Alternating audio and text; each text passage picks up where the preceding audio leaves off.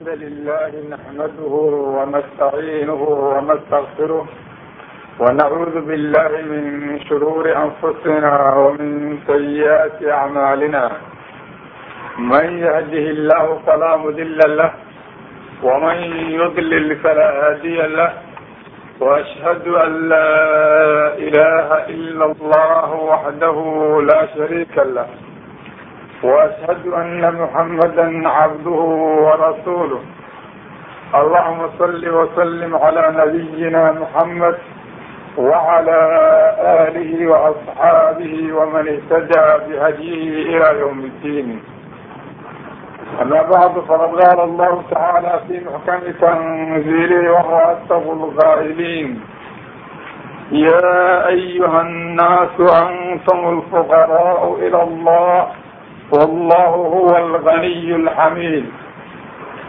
allah subxaanahu wa tacaala waxau ku farad yeelay oo waajib uga dhigay addoommadiisa dushooda inay asaga isu duleeyaan oy si dhaba u caabudaan cibaadadaas uu rabbi ka doonayana ma ahan inuu alla u baahan yahay ee alla waa alla qani ah oo ka deeqsoon makhluuqa oo idil laakiin addoommada ayaa ah kuwa aan rabbi ka kaaftoomi karin ilmilicsi sidaa darteed ayuu rabbi ku yidhi kuwa fuqaraa oo aniga ii baahan ayaa tihiin ee aniga addoommo i caabuda oo isu kay duleeya oo amarkayga qaata noqda.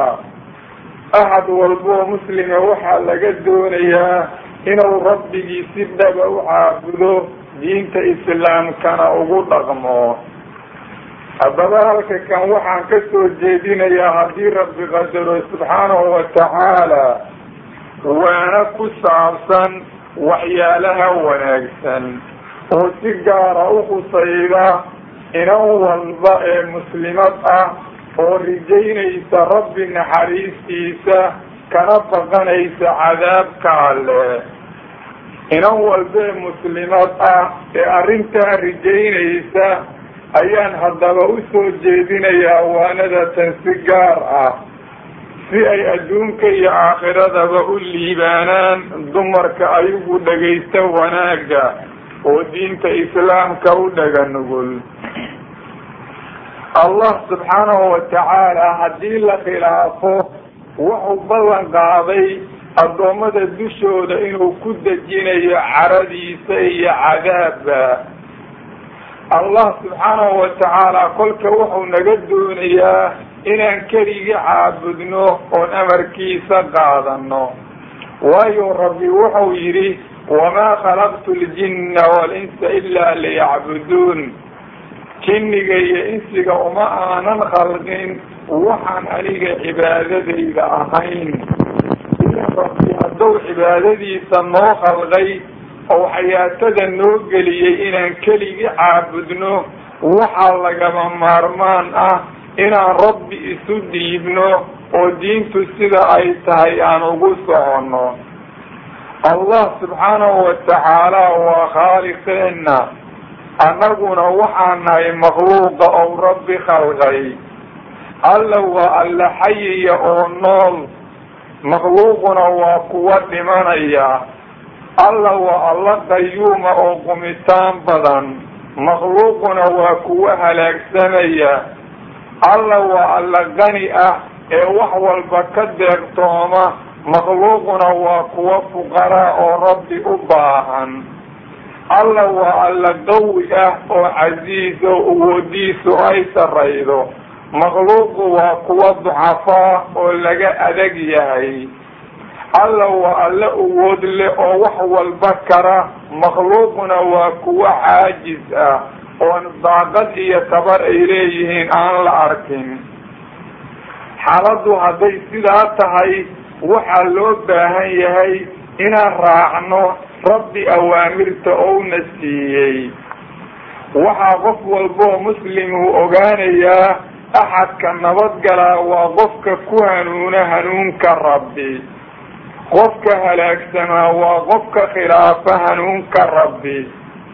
Adduunka iyo aakhirada qofka liibaanta doonaya waxaa waajib ku ah inuu cuskado wixii uu nabigu la yimid sala allahu calayhi wasalam rabbina qur'aanka wuxuu ku yidhi faman itabaca hudaaya falaa yadilu walaa yashqaa axadkii hanuunkayga raaca oo xaqu siduu yahay ugu dhaqma ma lumayo shaqina ma uu noqonayo cabdullaahi ibnu cabbaas wuxuu yidhi rabbi wuxuu u ballan qaaday qofkii qur'aanka akriya ee raaca inuusan adduunka lumin aakhiradana aan la cadaabin waxaana arrinkaa caddaynaya aayadda aanu akrinay oo uu rabbi ku yidhi faman ittabaca hudaaya falaa yadilu walaa yashqaa muslimiinta waxaa laga doonayaa inay rabbi u hogaansanaadaan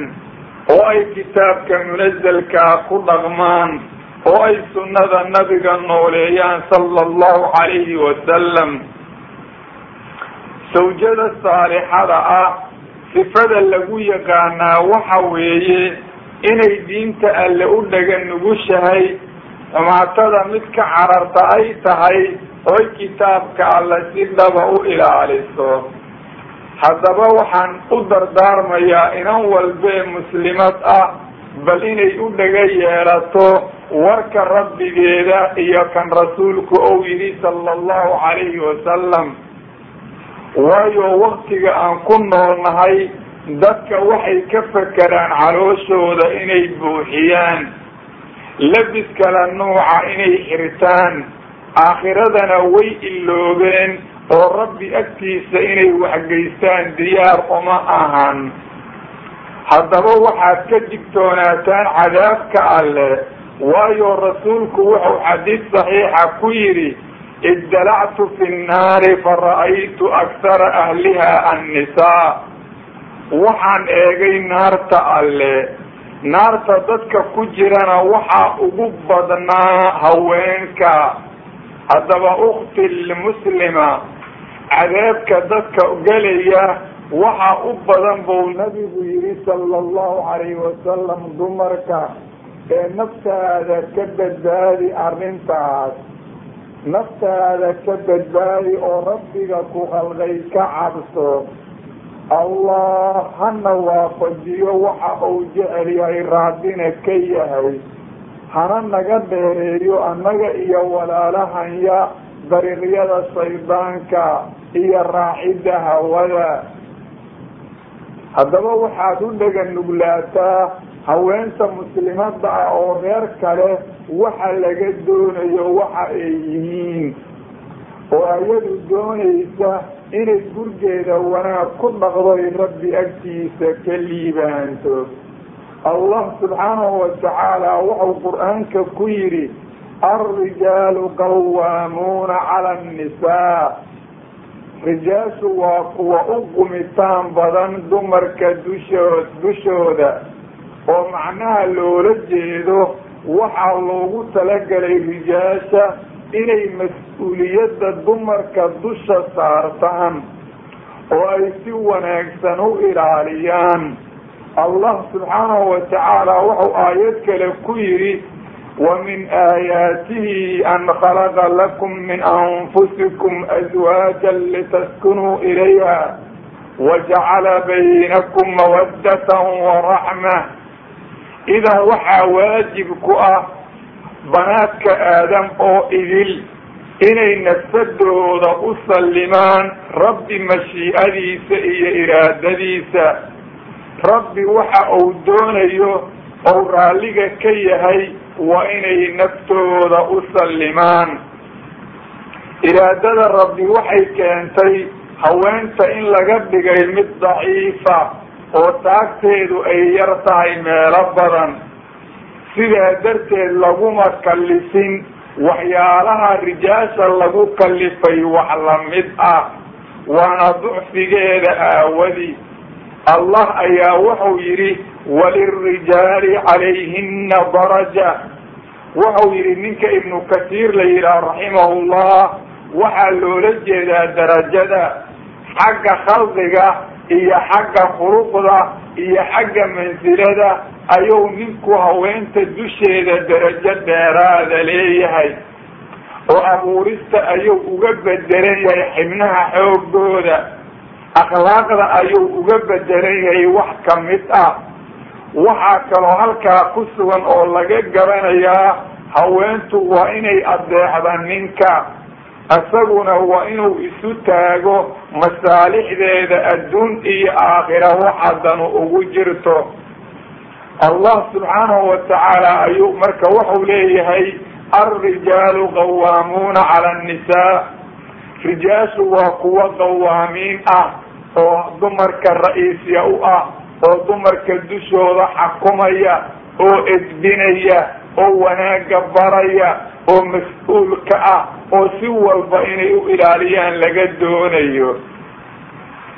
Allah subxaanahu watacaala wuxuu yidhi waxay rijaashu qawaamiin ay dumarka ugu yihiin oo sidaa looga doonayaa waxa weeye waa bimaa fadala allahu bacdahum calaa bacdin. Sida alla rijaasha uga fadilay dumarka maxaa yeelay ninku haweenta xagga xoogga wuu uga awood badan yahay waxyaalo badan ayuu rabbi gooni uga dhigay nimanka. Waxaad arkaysaa xagga nubuwada iyo ambiyada rijaasha ayaa alla ka dhigi jiray. Mas'uuliyiinta sarsare ragga ayaa iskale sidaa darteed nabigu wuxuu yihi sala allahu calayhi wasalam lan yuflixa qawmun walluu amrahum imra'a ma liibaanaan qoon amarkooda tawalisiiye oo u dhiibay haween.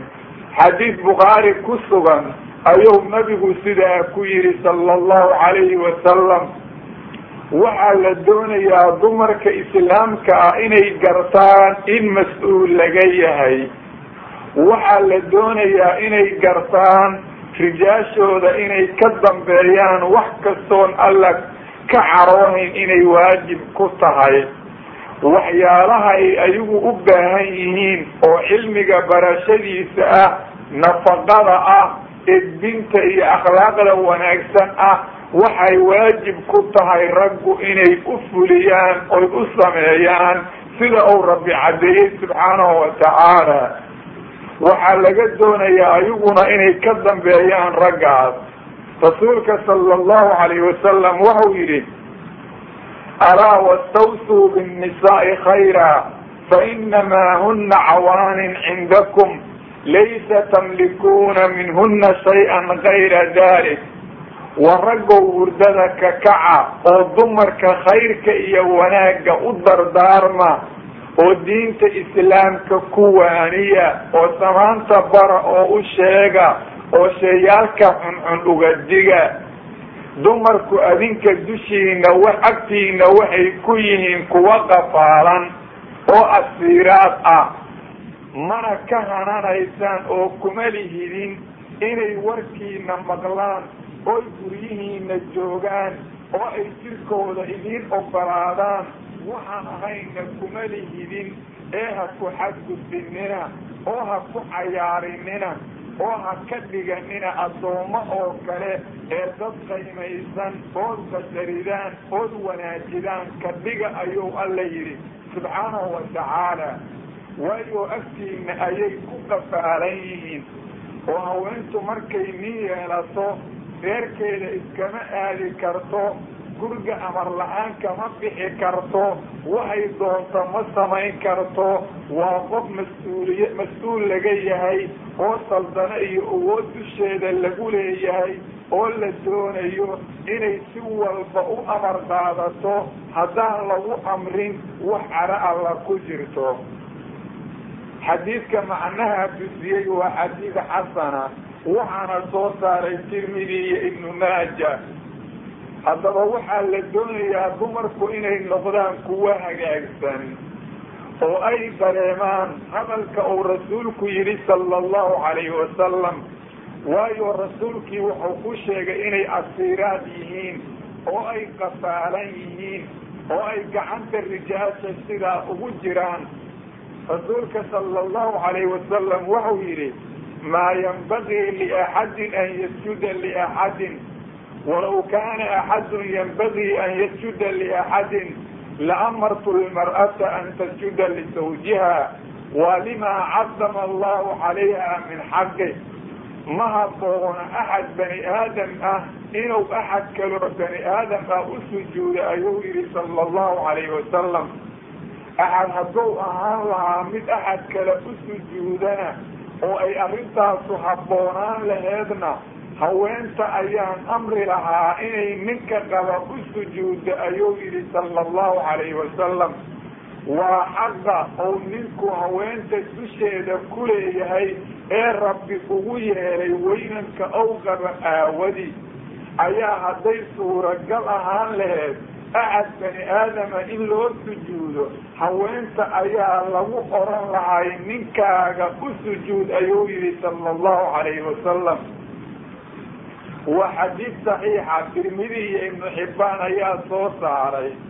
Haddaba ukti muslima xadiidkaasi waa burhaan ama daliil qaadica oo weyn oo cadaynaya xaqa uu ninku haweenta ow qaba ku leeyahay weynankiisa.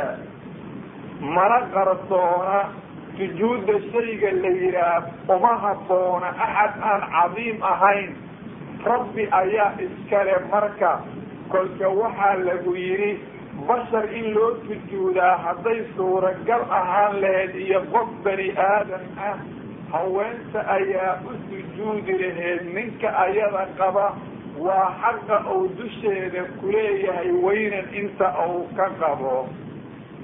Haweenta yani dusheeda waxa ahaaday waxa ugu weyn bacda xaq allahi wa rasuuli xaqa ilaahay iyo xaqa rasuulka ka gadaa oo ugu waajibnimo badan xaqa ninkeeda sidaa waxaa jawaabay ninka la yidhaahdo ibnu timiya raximahullah waxauna u daliishaday xadiidka aan horay u akrinay hadalka ou yihi wuxuu ahaa falaysa cala almar'ati bacda xaqi illahi wa awjaba min xaqi zawj.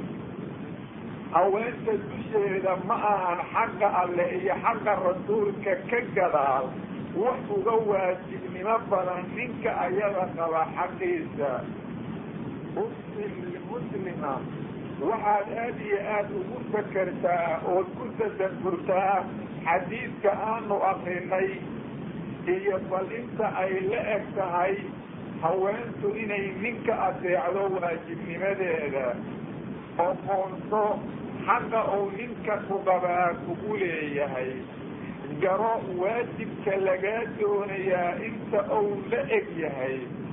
Rabbigaa ka cabso subxaanahu watacaala ha baraarugeen haweenka waktigeena jira khaasatan dumarka mutabafidaadka ah ee madaxa adag oo mutarajilaadka ah oo haweenka casrigan jooga kamida ee ragga isu ekaysiiya oo isku dayaya saldanada iyo saydarada inay ayagu qaataan guryaha siday doonaan ugu tasarufaan dariiqay doonaan ay wareegaan xijaab la'aanna wadooyin ka taagtaagan hurdada ha ka kaceen oo rabbi ha ka cabsadeen imise fadi fadiilo iyo wanaag ayaa lagu cayaaray oo la cagsiyey imise shay oo dulli aheyd ayaa maanta la qurxiyey. Dadka maanta joogaa agtarkoodu hawada ayay raaceen waxayna dabagaleen dadka la yidhaah shardiyiinta iyo qarbiyiinta waa reer galbeedka iyo reer bariga eh kuwaas oo ahaaday kuwa doortay adduunyada aakhiradana halmaamay oo ku sifoobay ulaa'ika aladiina ishtaraw alxayaata addunyaa bilaakhira. Xayaatada adduunyada ayay ku iibsadeen aakhirada oo adduunka ayay doorteen. Macmacaansiga tegaya iyo naciimada adduunyada ayay raalli ku noqdeen. Aakhiradana way halmaameen haddaba inanta ilaahay islaamka ku hanuuniyey uktii waxaan kaaga digayaa dadka lumay waddadooda inaad qaadid. Dulliga iyo waxa lagu hallaabo inaad sheegatid.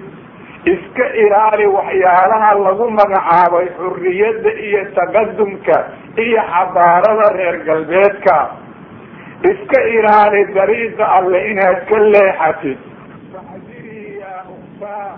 Walaalay ka digtoonaaw digtoonaansha kulligiis inaad ka weecatid dariiqa xaqa ah. Inaad ka dhigatid daarta aad ku nagaanaysa adduunyada. Waxaad ogaataa ukhtilmuslima waxa kaa horeeyaa waa maalin ilmaha u yeesha ciro dadkuna ay wada sakraamayaan. Dullina oo ummadda ku dhacayo ee hurdada ka kac.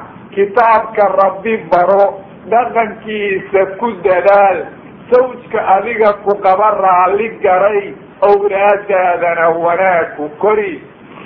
Sawjada saalixada ahay waa inaad ogaataa adduunyadu inay tahay wado safar lagu yahay oo dhammaanaysa. Majhuul ayaa laga yahay oo lama garanayo qadarka adduunyada.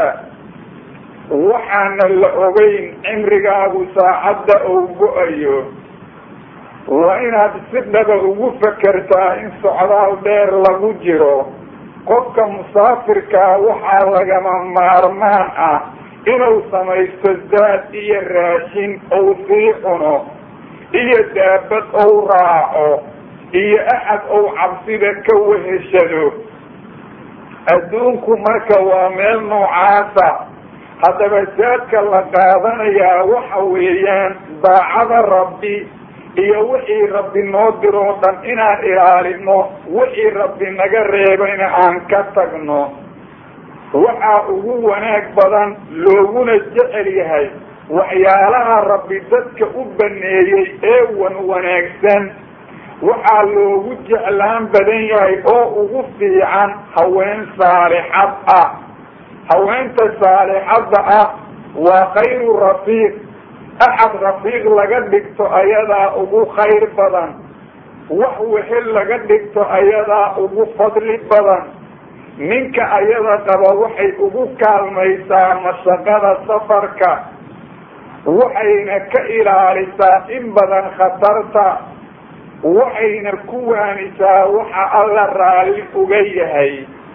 Haddaba sawjada saalixada ah ee sidaa ku sifaysan ayaa la doonayaa inay ku sifoobaan dumarku. Rijaashana waxaa laga doonayaa inay doonaan inanta sidaa ku sifowday.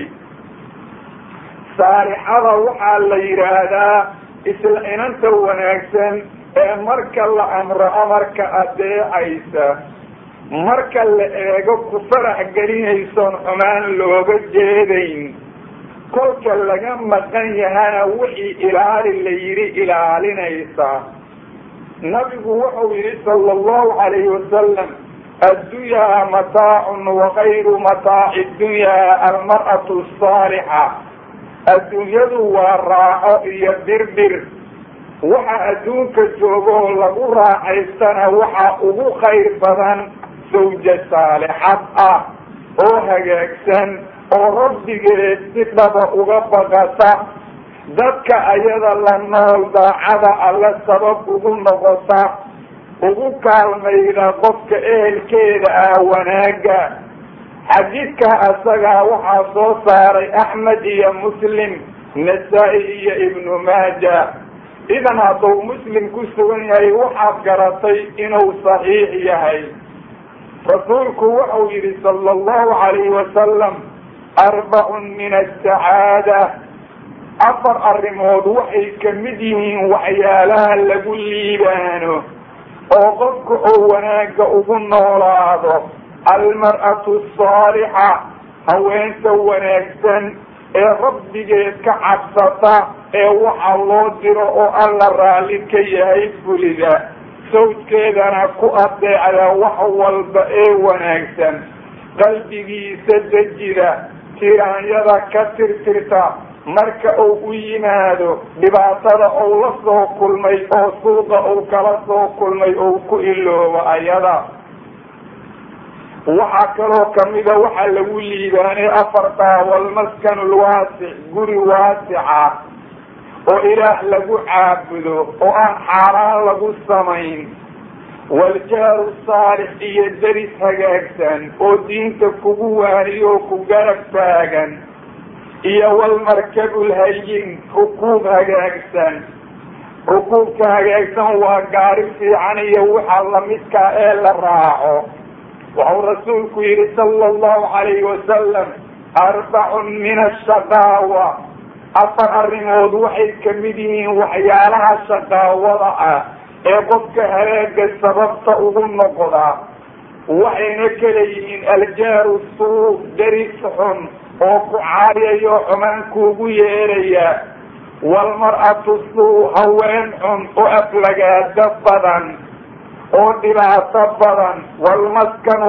dayiq iyo guri ciriiri ah oo ciriirinimadu ay ka timid xagga qolalka ama xagga cibaado la'aanta iyo walmarkabu suu rukuub xun oo aan meel la gaarin. Waa gaari maalin walba la riixayo oo kale eh. Xadiidka asagaa waa saxiix. Waxaana soo saaray ibnu xibbaan iyo kayrkii. Wuxuu noo cadaynayaa waxa wanaagsan oo qofka adduunka iyo aakhirada uu ku wanaagsanaado waxaa ka mid ah inan saalixad ah ninka in alla ku arsuqo allah subxaanahu watacaala wuxuu ammaanay dumarka saalixaadka ah. Wuxuuna rabbi ku yihi qowlkiisa faasaalixaatu qaanitaatun xaafidaatun lilgaybi bima xafida allah. Dumarka saalixaadka waxaa loola jeedaa kuwa mustaqiimaadka ah ee diinta alla ku toosan. Qaanitaadka waxay ku fasireen culimadu waa mudiicaat illah rabbiga khalqay adeecsan yihiin. Waxay kaloo adeecaan aswaastooda iyo nimanka qaba. Xaafidaad weeye waxay ilaaliyaan wixii rabbi u wadeeca dhigay oo ilaaliya lagu yidhi naftooday xaaraanta ka ilaaliyaan nimanka qaba xoolahooda iyo gurgooday xumaatada ka ilaaliyaan owlaada ay dhaleen bay ka ilaaliyaan akhlaaq darada wanaagay ku dadaalaan dumarka saalixaadka ah kuwaas ayaa la yidhaah uktilmuslima ku sifow aayaddu. Dumarka ay tilmaantay ee rabbi ridihiisa shaqaystay adduunku waa daar maalmo yar la joogayo.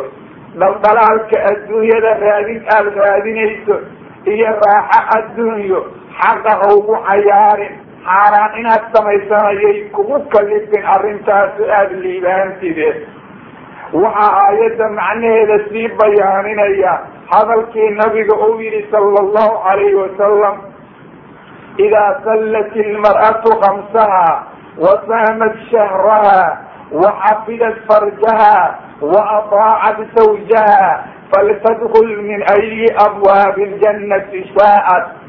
Haweentu hadday dukato shanteeda salaado oo ay soonto bisheeda ramadaanka oo ay jirkeeda zinada iyo xaaraanta ka ilaaliso oo ay ninka qaba adeecdo albaabada jannada midkay doonto ha ka gasho ayuu rasuulku yihi sala allahu calayhi wasalam marka xadiidkaasu wuxuu sii bayaaniyey aayadda macnaheeda waxayna macnuhu yihiin haweenta saalixadda ah waa midda wixii rabbi u diroo dhan ilaalisay wixii rabbi ka reeboo dhan ka tagtay ninkeeda ku raali galaysay wax kastoo rabbi ku raali galee yidhi taasaana jannada ka gelaysa albaab alla albaabkay ayadu doonto. Xadiidkaasi waa xadiid xasana waxaana soo saaray imaamu axmed iyo dabaraani oo ku qoray isagu mucjam lawsat rasuulka sala allahu calayhi wasalam waxaa la su'aalay ayu nisaai khayr dumarka yaa ugu khayr iyo wanaag badan waxau rasuulku yihi sala allahu calayhi wasalam alladii tasuruhu idaa nadar midda ninkeeda farax gelinaysa kolka ou eego waxaa loola jeedaa wax rabbi ka caroodo amau ninku ka hado laguma arko faraxgelinta laguu sheegayaa caddaanteeda iyo dhalaalkeeda ma ahan ee waxaa laga wadaa loogama jeedo oo laguma arko wax rabbi ka caroonayo ninkeedana dhiba. wa tudiicuhu idaa amar markau amrana adeecaysa walaa tukhaalifuhu fi ma yakrahu fii nafsiha wa maalih oo aan ku khilaafin oo aan samayn wax uu kahanayo nafteeda iyo maalkiisa midnaba aan ku samayn haweenta noocaasa ayaa dumarka ugu khayr badan buu yidhi sala allahu calayhi wasalam wixii rabbi u diray lagama waayo. Waxa loo dirsaday ma diido oon rabbi caradiisu ku jirin. Wax ninkeedu kahanayo kuma samaydo nafteeda iyo maalkeeda maalkiisa intaba. Marka midda noocaasa ayaa ugu wanaag badan buu yidhi sala allahu calayhi wasalam ukti lmuslima sifaadkaas sidii lagaaga heli lahaa doon doon adduun iyo aakhiro aada liibaantide xadiidkaasu waa saxiix. Waxaa soo saaray axmed iyo nasaa-i iyo xaakim. Xaakim wuxuu yihi waa saxiixun calaa shardi muslim. Dahabi ninka la yidhaahno wuu ku waafaqay warkaa haweenka saalixaadkaa khayrka ayay sameeyaan nimankoodana waa u ixsaan falaan nimanka qaba ayay adeecaan wax alla wax kastoon caro alla ku jirin bay ku adeecaan naftooda way ilaaliyaan marka laga maqan yahay xoolaha looga tegay way ilaaliyaan marka laga maqan yahay ninkooda ma tusiyaan wax uusan raalli ka ahayn. Wejiga ayay u furfurtaan oo ninka way u dhoolla caday kum min ahli ljanna haweenkiina ahlu jannada ka mid ah waxaa lagu garanayaa inay yihiin alwaduud alwaluud alcaud calaa zawaa zawjiha. Allatii idaa qadaba jaa-ad xataa tadaca yadaha calaa yadi zawjiha. Waxau yihi sala allahu calayh wasalam haweenkiina ahlu jannada ah waa kuwa waduudiinta ah oo nimankooda isjeclaysiiya waluudka waxaa loola jeedaa ilma dhala. Ilma dhalidda shardi ma ahan oo haddaan alle owlaadtiin laakiin sida kale ay u fiican tahay janno ayay leedahay. Ee haweenta ilmaha dhasha maxabad gaala ayaa loo siihayaa weeye. Al-ca-uud waxaa loola jeedaa waa midda ninkeeda nafci u soo celida oo ninkeeda nafci iyo khayr sabab ugu noqota oo xumaatada ka waarisa oo inuu ku sabro dhibaatada ku xambaarta marka uu ninkoodu ninkeedu caroodo way u timaadaa ilaa ay gacanteeda ku dejido gacanta ninka qaba. Markaas ka gadaal ayay ku tidhaahdaa laa aduuqu umda xataa tardaa anigu hurde ma dhadhaminayo mana raaxaysanayo mana nasanayo ilaa aad raalli ka noqonaysid ee raalli noqo. Haweenta sidaa ku sifowday dumarka jannada ayay ka mid tahay ayuu nabigu yihi sala allahu calayhi wasalam xadiidkaasu waa xadiid xasana nasaa-i ayaa soo saaray waxuuna ku qoray kitaabkiisii ahay sunan lkubraa waxaa xadiidkaa la cadeeyey sanadkiisu inuu jayid yahay. Duruub kale ou leeyahay oo uu ku soo saaray ninka dabaraani la yihaha kutubta macaajinta ah awsad iyo sagiir haddaba ukti muslima allaha kuu naxariiso rabbina ha kuu fududeeyo sifaadkaas. Aanu soo sheegno xadiid ku cadeeyey ee sifaadkaas inaad nafsadaada ka xaqiijidid ku dadaal aada liibaantid xayaatada saciidada ku liibaantid daarta adduunyada iyo daarta aakhirada labadaba. Iska ilaali dumarka zamankan jooga waxa ay ku sifoobeen badankoodu oo ah inay ayagu ku dadaalaan nimanka qaba inay ka caraysiiyaan. Markay ka carageli ka caraysiiyaan oy xumaan ku sameeyaanna ay haddana iska dhaqaaqaan ee nimanku ay ayagu dalbaan inay raalli gareeyaan. Axad walbee carooday in la raalli gareeyaa laasim weeye. Laakiin inanka muslimadaha waxaa laga doonayaa inay dabeecadeeda wanaajido. Ninka ayada qabana ay raalli garayso. Haddaba ukti muslima waxaad ku dadaashaa sidaad alla agtiisa darajo sara ugu yeelan laheed gurigaaga markaad ka baxayso rabbi ridihiisa uga bax. Markaad joogto rabbi waxau raadi ku yahay ku joog waxay guryaha musiibadu ugu dhacday oo aqal dumiddu ay u badatay oo awlaadda alla caasiyaal uga dhigay. Guryaha marka laga baxayo caro allah lagu baxaa. Marka la joogo xumaan iyo caro alle ayaa lagu joogaa mashaakilka iyo dhibaatada usrooyinka iyo guryaha maanta ku ka dhacaya aad ayay noogu bateen maqalkoodu. Sababna waxaa u ah in alle diintiisa laga tegay laa xawla walaa quwata ilaa billah. Waa maxay musiibada kaweyn dadkii la doonaya inay diinta dadka ku hogaamiyaan. Calam islaamiya ay ummadda gaarsiiyaan diinta alla ay dadka ku xakumaan guryahoodii inay sii burburayaan owlaadoodana akhlaaqdu ay ka lumayso. Uktil muslima qalbigaaga sow kuma jiro in yar oo iimaan ah.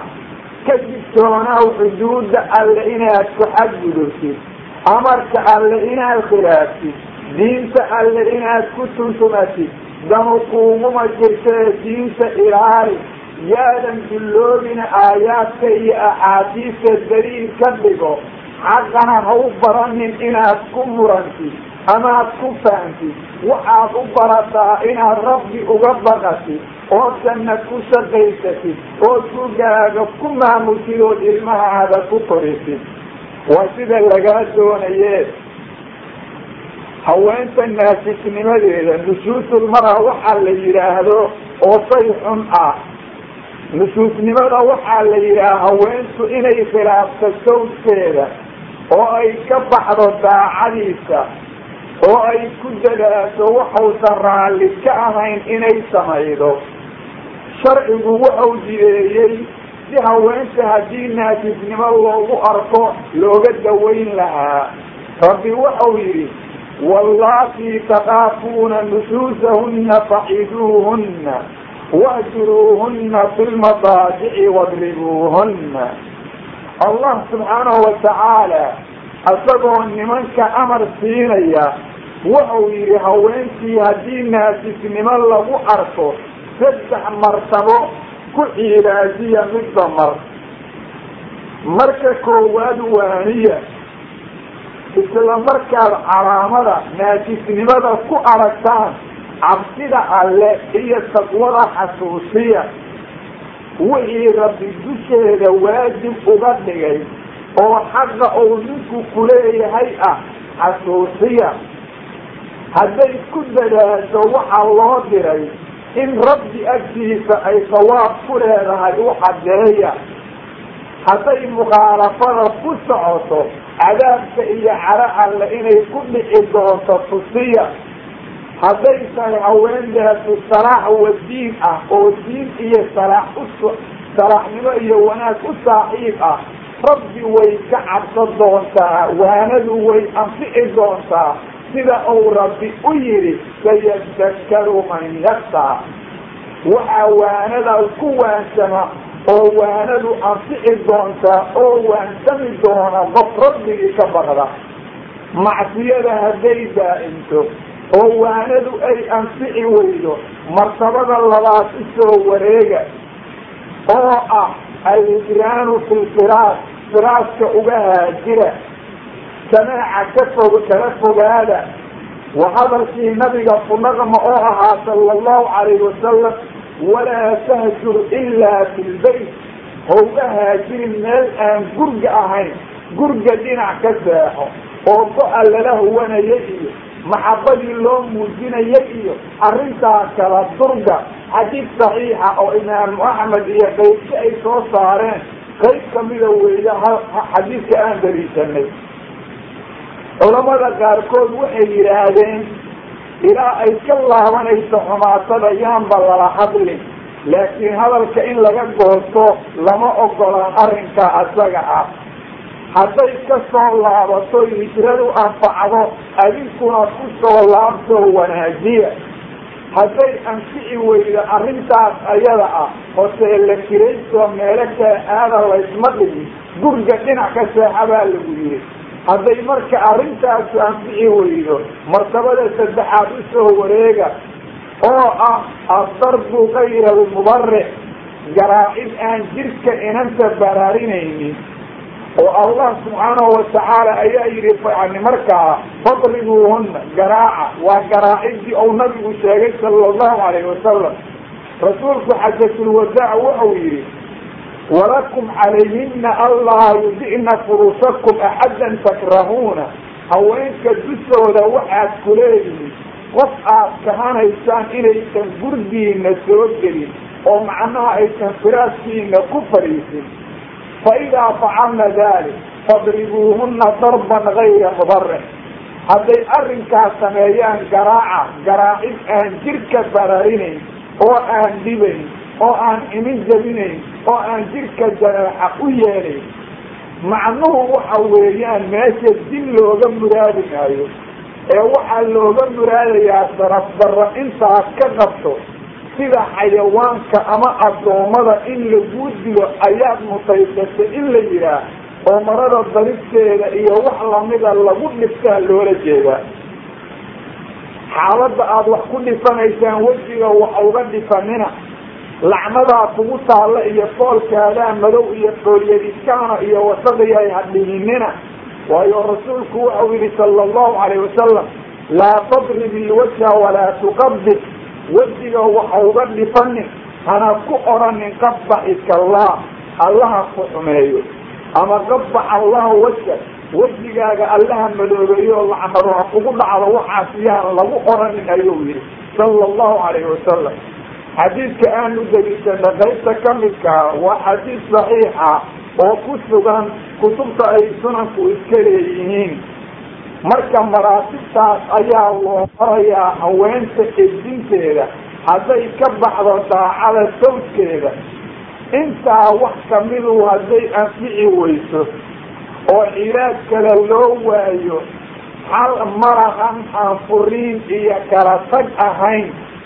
Laakiin intaas ayaa la doonayaa mid walboo kamida in waqti lagu eego oo laysku dayo in la xalliyo oo lagu dadaalo arrinka ayaa la samaynayaa.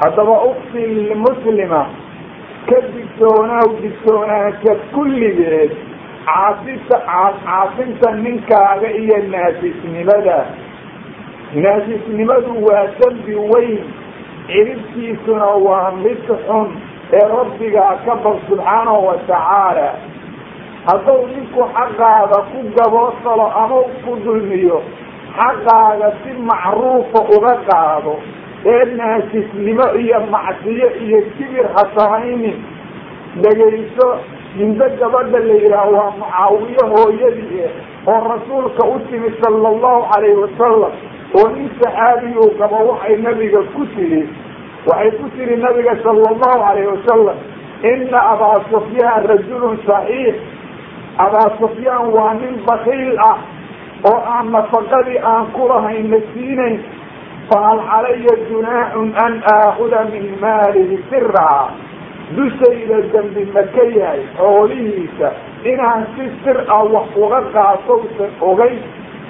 Nabigu waxau ku yidhi sala allahu calayhi wasalam khudii anti wa banuuki maa yakfiiki bilmacruuf qaado adiga iyo ilmahaaga.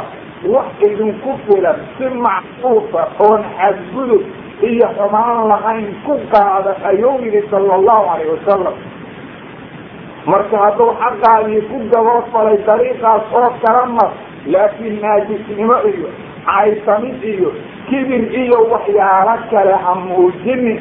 Uktil muslima sabar oo dulqaado in badan ayaa rabbigaa ku gargaarayaahe xadiidkaa isaga ah waa xadiid saxiixa maxaa yeelay waxaa soo saaray bukhaari iyo muslim iyo kutubta sunanka oo idilba. Naajisnimada haweentu waxay ku timaadaa siyaalo badan. Waxaana ka mid a haweentu inay ka reebtoonaato ninkeeda jamaciisa oo ay tidhaahdo iima soo dhawaan kartid waxaa kamida inay khayaana ku samaydo xagga nafteeda oo ay ninkeedu waxyaala uusan raalli ka ahayn nafadeeda ku samaydo diin ilaahayga u fasaxayaana aysan jirin. Iyo inay gurga soo gelido dad uusan raalli ka ahayn. Iyo in ay gurga ka shaqay weydo macnaha gurga wixii looga baahnaa oo khidmada dumarka ah inay qabato ay diiso iyo in ay xoolaha ku cayaarto oo ku bixido meel aan sharciga loogu fasixinoo ninkeedu macnaha u ogolayn waayo ninku haddausan ogolayn diintu si kasta igu ogoshay inanta xoolaha gurga ma bixin karto oo ninku leeyahay. Waxaa kaloo kamida inay ninka caydo oy hadal xun ku tiraahdo inay gurga ka baxdo idankiisa la'aanti inay sirkiisa fidiso ceebihiisa dadka u sheegto waxyaalahaasoo idil waxay ka mid yihiin su suwarka ama arrimaha ay haweentu naajisad ku noqonayso fastaqi llaha ukti lmuslima. Walaashayda muslimadahay rabbigaa ka cabso. Fa inaki daciifa wa cadaab allahi shadiid. Adigu waxaa tahay mid taag daran. Cadaabka allana waa mid shadiid ah. Iska ilaali ukti lmuslima cisyaanka waxaad dhegaysataa adilada ku soo aroortay haweenta ninkeeda caasida cadaabka ay iska leedahay. Rasuulka sala allahu calayhi wasalam waxau yidhi waaladii nafsii biyadi maa min rajulin yadcuu imra'atahu ilaa firaashiha fata'baa calayh ila kana aladi fi samaa'i saaqidan calayha xataa yardaa canha rabbi ayaan ku dhaartay nafsadaydu ay gacantiisa ku jirtee nin ma jiro haweentiisa ugu yeerta firaaska oo firaaskeeda ka dalba inay ugu timaado oo ay markaa diido ilaa ay jirto haween sidaa yeesha rabbiga samada ahaaday wuxuu ahaanayaa mid u caraysan oo cadaabkiisa ku sallida ilaa ay ninkeeda raalli garaynayso sidaa ayuu yidhi sala allahu calayhi wasalam waa xadiid ku sugan saxiixa. Riwaayadaa mid lamida ayaa iyaduna jirta. Oo caddaynaysa rabbi cuqubadiisu inay ku soo dhacaydo ilaa uu ninku raalli noqonayo. Uktilmuslima carada ilaahay ma qaadi kartid. Ee rabbigaa ka cabsee waansan. Waxau rasuulku yihi sala allahu calayh wasalam isnaani laa tujaawisu salaatuhumaa ru'uusahumaa laba qofood salaadoodu madaxa ma dhaafto. Waxayna kala yihiin cabdun aabiqun min mawaaliih xataa yarjica ilayh. Kan koowaad waa addoon ka dhuuntay dadkii iska lahaa ilaa uu uga soo laabanayo. Waa dadkii gaalada laga soo qafaashay midda labaad waa imra'atun casad zawjaha xataa tarjic waa haween ninkeeda caasiday oo ku caasiday wax aan diinta alle ku caasi dhihin. Ilaa ay ninkeeda ka raalli garaynayso. Ilaa uu ka raalli garaynayso ka soo laabanayso. Salaadeedu madaxa dhaafi mayso ayuu yihi sala allahu calayhi wasalam wa rabbi ka cabsada oo diinta ilaaliya. Xadiidkaasu waa saxiix. Dabaraani ayaa ku qoray kutubta macaajimta ah oo la kala yidhaha mucjam lawsad iyo mucjam sagiir xaakimna sanad wanaagsan buu ku soo saaray waansan oo wanaagga qaado addoonta ilaahayey isutaag wixii rabbi dushaada waajib uga dhigay oo ninkaaga daacadiisa ah ogow ugtii inuu ninkaagu yahay jannadaada iyo naartaada sida xadiidba ku sugan markaad daacada alla la timaada ka gadaal waxa lagaa doonaya xaqa ninkaaga ayaa ugu weyn. Uktil muslima nusuusta ha ka caroonin xaqana ha gara marin. Wixii alla raalli kaaga noqon lahay ayaan kuu tilmaamayaa ee dhegan nuglaaw dhib walba ha kugu haydo inaad fulidid waxyaalaha qaarkood ee naftaada cadaab ka badbaadi waxaad na dhegaysataa xadiid caddaynaya nabiga sala allahu calayhi wasalam in loo keenay inan ay u timid nabiga inan ayaa nabiga u timid. Marka nabiga waxay ugu timid dan ay laheed inantaasi waxau nabigu ku yidhi markay u u faaruqay nabigu waxau ku yidhi sala allahu calayhi wasalam adaatu sawjin ant nin ma leedahay mase malihid waxay ku tihi nin ayaan leeyahay. Rasuulku wuxuu yidhi sala allahu calayhi wasalam kayfa anti lah? Sidee baad ninkaaga u tahay ood ugu shaqaydaa ood u raalli garaysaa waxay tihi maa aaluuhu ilaa maa cajaztu can kama gabood falo inaan ku raalli gareeyo amaan u qabto wax walbo samayn karo ilaa wixii aan gaari waaye ma ahane macnaha waxaa loola jeedaa inta aan daaqa u leeyahay waan u khidmeeyaa waan adeecaa waana raalli gareeyaa. Rasuulku wuxuu ku yidhi sala allahu calayhi wasalam fandurii ayna anti min waxaad bal eegtaa ninkaaga sida aad ku tahay. Fa innamaa huwa jannatuki wa naaruki. Ninkaagu waa naartaada iyo jannadaada. Macnaha waxaa loola jeedaa ninkaaga daacada aad adeecdaa sabab ayay kuugu noqonaysaa gelidda jannada alle. Caasinta aad ninkaaga caasidaana sabab ayay kuugu noqonaysaa gelidda naarta alle ee rabbigaa ka baq subxaanahu watacaala haddaba ukti muslima halkaas waxaad ka ogaatay naajisnimada iyo cisyaanka ninka inay tahay dembi weyn oo rabbiga jabbaarkaa uu kuu caroonayo oo malaa'igta alla ku lacnadayso oo xuurulcayntu ay ku inkaarayso oo aan salaada lagaa aqbalay bal cadaab lagu ballan qaaday. Nacuudu billahi min sakadi rabbi baan ka magangelaynaa caradiisa waxaana su'aalanaynaa ridwaankiisa iyo dembi dhaafkiisa fattaqi illaha ukti lmuslima walaashayda muslimadahay rabbigaa ka cabso. Ammaanada ou alla dushaada ku xambaaray gudo oo rabbigaa daacadiisa ku dadaal oo dariiqii nabiga mar oo ninkaaga adeec oo ixsaan u samay oo xaqa ou dushaada kugu leeyahay weynankiisa ha halmaamin oo diinta alla sidaa u ilaali aad liibaantide.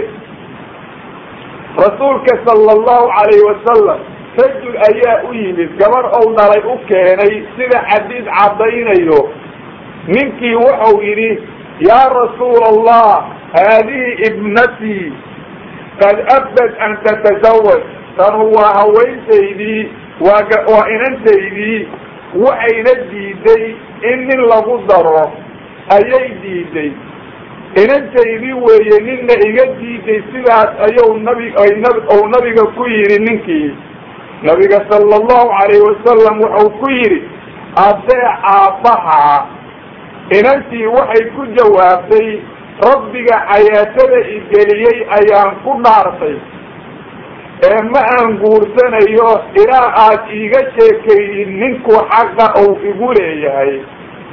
Rasuulka sala allahu calayhi wasalam arrinku markau halkaa marayo wuxuu ku yidhi sawjku sawjada ou xaq xaqa uu ku leeyahay waa mid weyn hadday dhacdo ninka in jirkiisa boogu ka soo baxdo oo haweentu ay carabkeeda ku leefto xaqa uu ninku ku leeyahay ma gudan karto ayuu rasuulku yidhi sala allahu calayhi wasalam macnaha waxaa loola jeedaa dhib walba oo ay u dulqaadataba xaqa ninku uu ku leeyahay waa mid weyn. Riwaayad ayaa jirta xadiidka ku kordhinaysa xaqa laygu leeyahay hadduu sidaa u adag yahay anigu guur waan iska day ee lagala hadlay inantii arrinkaa waxaanu soo qoray ninka la yidhaha xaafid ulmundiri inay dumarka gabal yidhaahdeen xuquuqdaas inaan gudanaabo way nagu adag tahay. Xadiidka asaga waa xadiid xasan ah waxaana soo saaray ibnu abi shayba xaakim iyo kayrkii xadiidka waxaa laysku qabsaday sanadkiisa calaa kulli marka la wado oo la wado xadiidka sanadkiisu xasan kama hooseeyo bijamci duruqi waana lagama maarmaan inay dumarku arrinkaa gartaan. Xadiidka waxaa macnihiisa aada u taageeraya adilado kale. Haddaba ukti lmuslima ammaanadaa ha ku xadgudbin. Ciqaabka alle ka digtoonaaw daacada rabbiga iyo daacada sawjkaaga ku dadaal ninkaaga inaad adeecdaha ka hormarinin xaqa allah iyo ka rasuulka mooye wax kale. Waxaad adigu jecel tahay ka tag oo wuxuu isagu jecel yahay yeel. Sidaas ayaa naarta alle uga koraysaa allana raalli kaaga noqonayaahe. Uktilmuslima istaqi llaha tacaala rabbigaa adee oo rasuulkaaga ku dayo sala allahu calayhi wasalam sawdkaagu hadduu firaaska kaaga yeero u tag. Rasuulka ayaa yidhi sala allahu calayhi wasalam ninku hadduu haweentiisa xaajo ugu yeerto ha ajiibto. Wain kaanat cala tanuur jika muufadaba hadu hadul joogtee xadiid saxiixa ayaa sidaa ku sugnaato sunanku qoray. Haddaba ukti lilmuslima cisyaanka ninkaagu carada allow sababku ugu noqonayaa xayaatadaada adduunyada iyo tan aakhirada ayaa khasaaraysa. Rabbigaa ka baq oo diinta alla ilaali. Rasuulka sala allahu calayhi wasalam wuxuu u diiday inanta muslimada ah oo ninkeedu joogo inay soon sunnaa soonto haddausan ninku idmin. Wuxuuna xadiid ku sugan muslim ku yidhi laa yaxilu lilmar'ati an tasuuma wa zawjuha shaahid ilaa biidni haweenta xalaal uma ahan inay soonto ninkeeda oo jooga ilaa inuu ogolaado mooyaane. Riwaayad kale ayaa tidhi sawm tadawuca oo min gayri shahri ramadaan ah oon bisha ramadaanka ahayn. Amaa bisha ramadaanka qof laga yeelaya malahan haddaba ukti lilmuslima dadaal oo diinta alla ilaali oo waxaad ku dadaashaa inaad noqotid mid gurga wanaajida oo ninkeedu markuu banaanka ka soo shaqeeyo u soo daalo ama isagoo caraysan oo u yimaado carada ka baabi'ida oo raalli garaysa oo dhibaatadii adduunka iyo suuqa ka soo qabsatay ilowsiida ku sifow sidii khadiijo oo kale. Dhib walboo nabiga ku yimaaday ilowsiin jirtay sala allahu calayhi wasalam diintaada ha layicin daa'imkaada ha caasinin rabbigaana ka baq si uu raxmad kuu siiyo iyo wanaag oo idil ha fidinin sirta sawdkaaga iyo istimtaaca gurgaaga sirtiisa allah subxaanahu watacaala waa alle sariig badan oo asturid badan asturka iyo sariigta alla waa jecel yahay xisoodka oo xumaatada laga sariigtaana waa qayb iimaanka ka mid ah firaaska iyo gurgana waxay iska leeyihiin asraar iyo arrimo u gooni ah. Ninka iyo haweentaba waxaa laga doonayaa inaan qofkood qofka kale waxyaalaha dhex maray ee gaarkaa uusan bani aadamka ugu sheekayn. Sidaa hadday yeelaan waxay la mid noqonayaan shaydaan iyo shaydaanad dariiqa isugu tegay dadkoo arkaya xadiid ayaana nabiga arrintaa uu uga hadlay sala allahu calayhi wasalam inanta la yidhaha asmaa binti yaziid waxay tidhi rasuulka ayaan maalin agtiisa joogay sala allahu calayhi wasalam alrijaal wannisaana waxay ahaayeen kuwa qucuuda oo fadhiya nabiga agtiisa sala allahu calayhi wasalam rasuulku wuxuu yidhi waxaa la arkaa raggu inay ka sheekeeyaan waxay dumarka ku sameeyaan. Dumarkuna ay ka sheekeeyaan waxa ay nimankooda la sameeyaan. Sidaa marka uu yidhi asma waxay tihi fa alama alqow dadkii kulligood way aamuseen. Kolkaas ayaa idhi bay tidhi i nacam wallahi yaa rasuula allah waa ee yeelaan. Innahuna laqulna wa inahum layafcaluun dumarku way ku hadlaan ragguna way sameeyaan oo qolaba qolada kale way ka sheekaydaan. Rasuulku wuxuu yidhi sala allahu calayhi wasalam falaa tafcalu arrinkaa ha samaynina.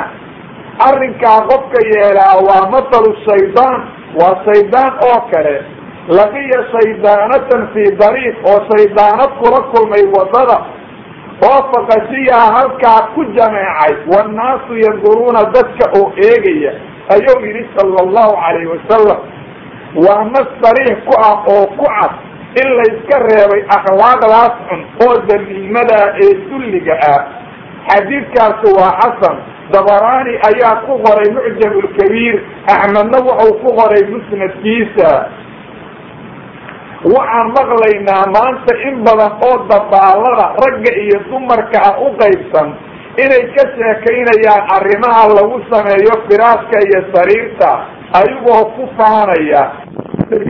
Ayaa laga qaaday wixii alla asturay ayay banaanka soo dhigeen.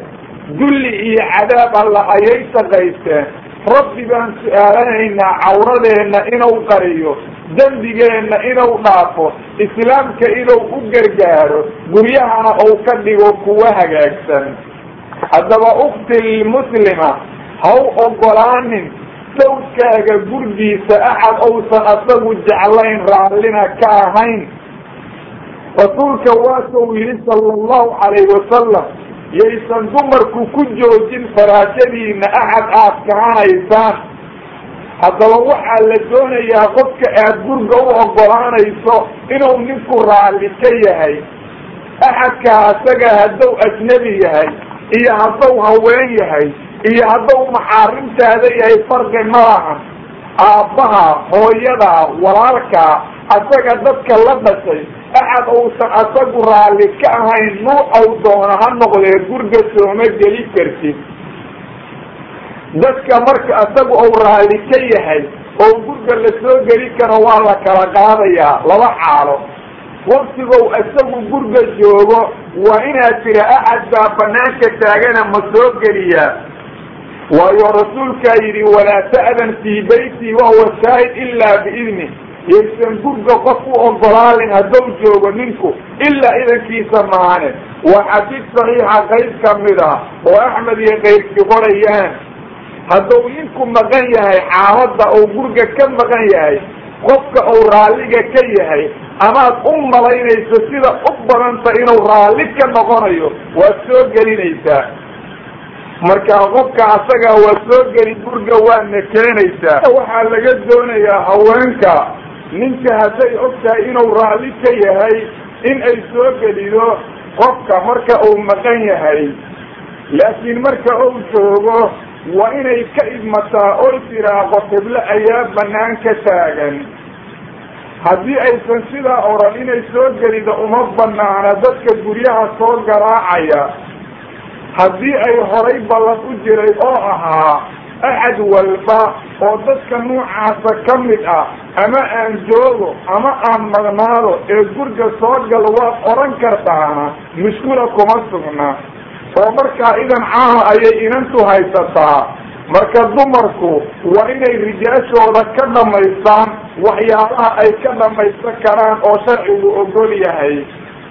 Markay inantu keligee tahay oo gurga ay joogto dad gurga loo ogolaa oo ajaanibana ay yimaadiin khalwadu xaaraan weeye oo rasuulku xadiid saxiixa ayuu ku yidhi laa yakluwanna rajulun biimra'a fa ina saalisuhumaa ashaydaan yuusan nin haween la qaalin noqonin waxa saddex ku noqonayaa shaydaan weeyaane.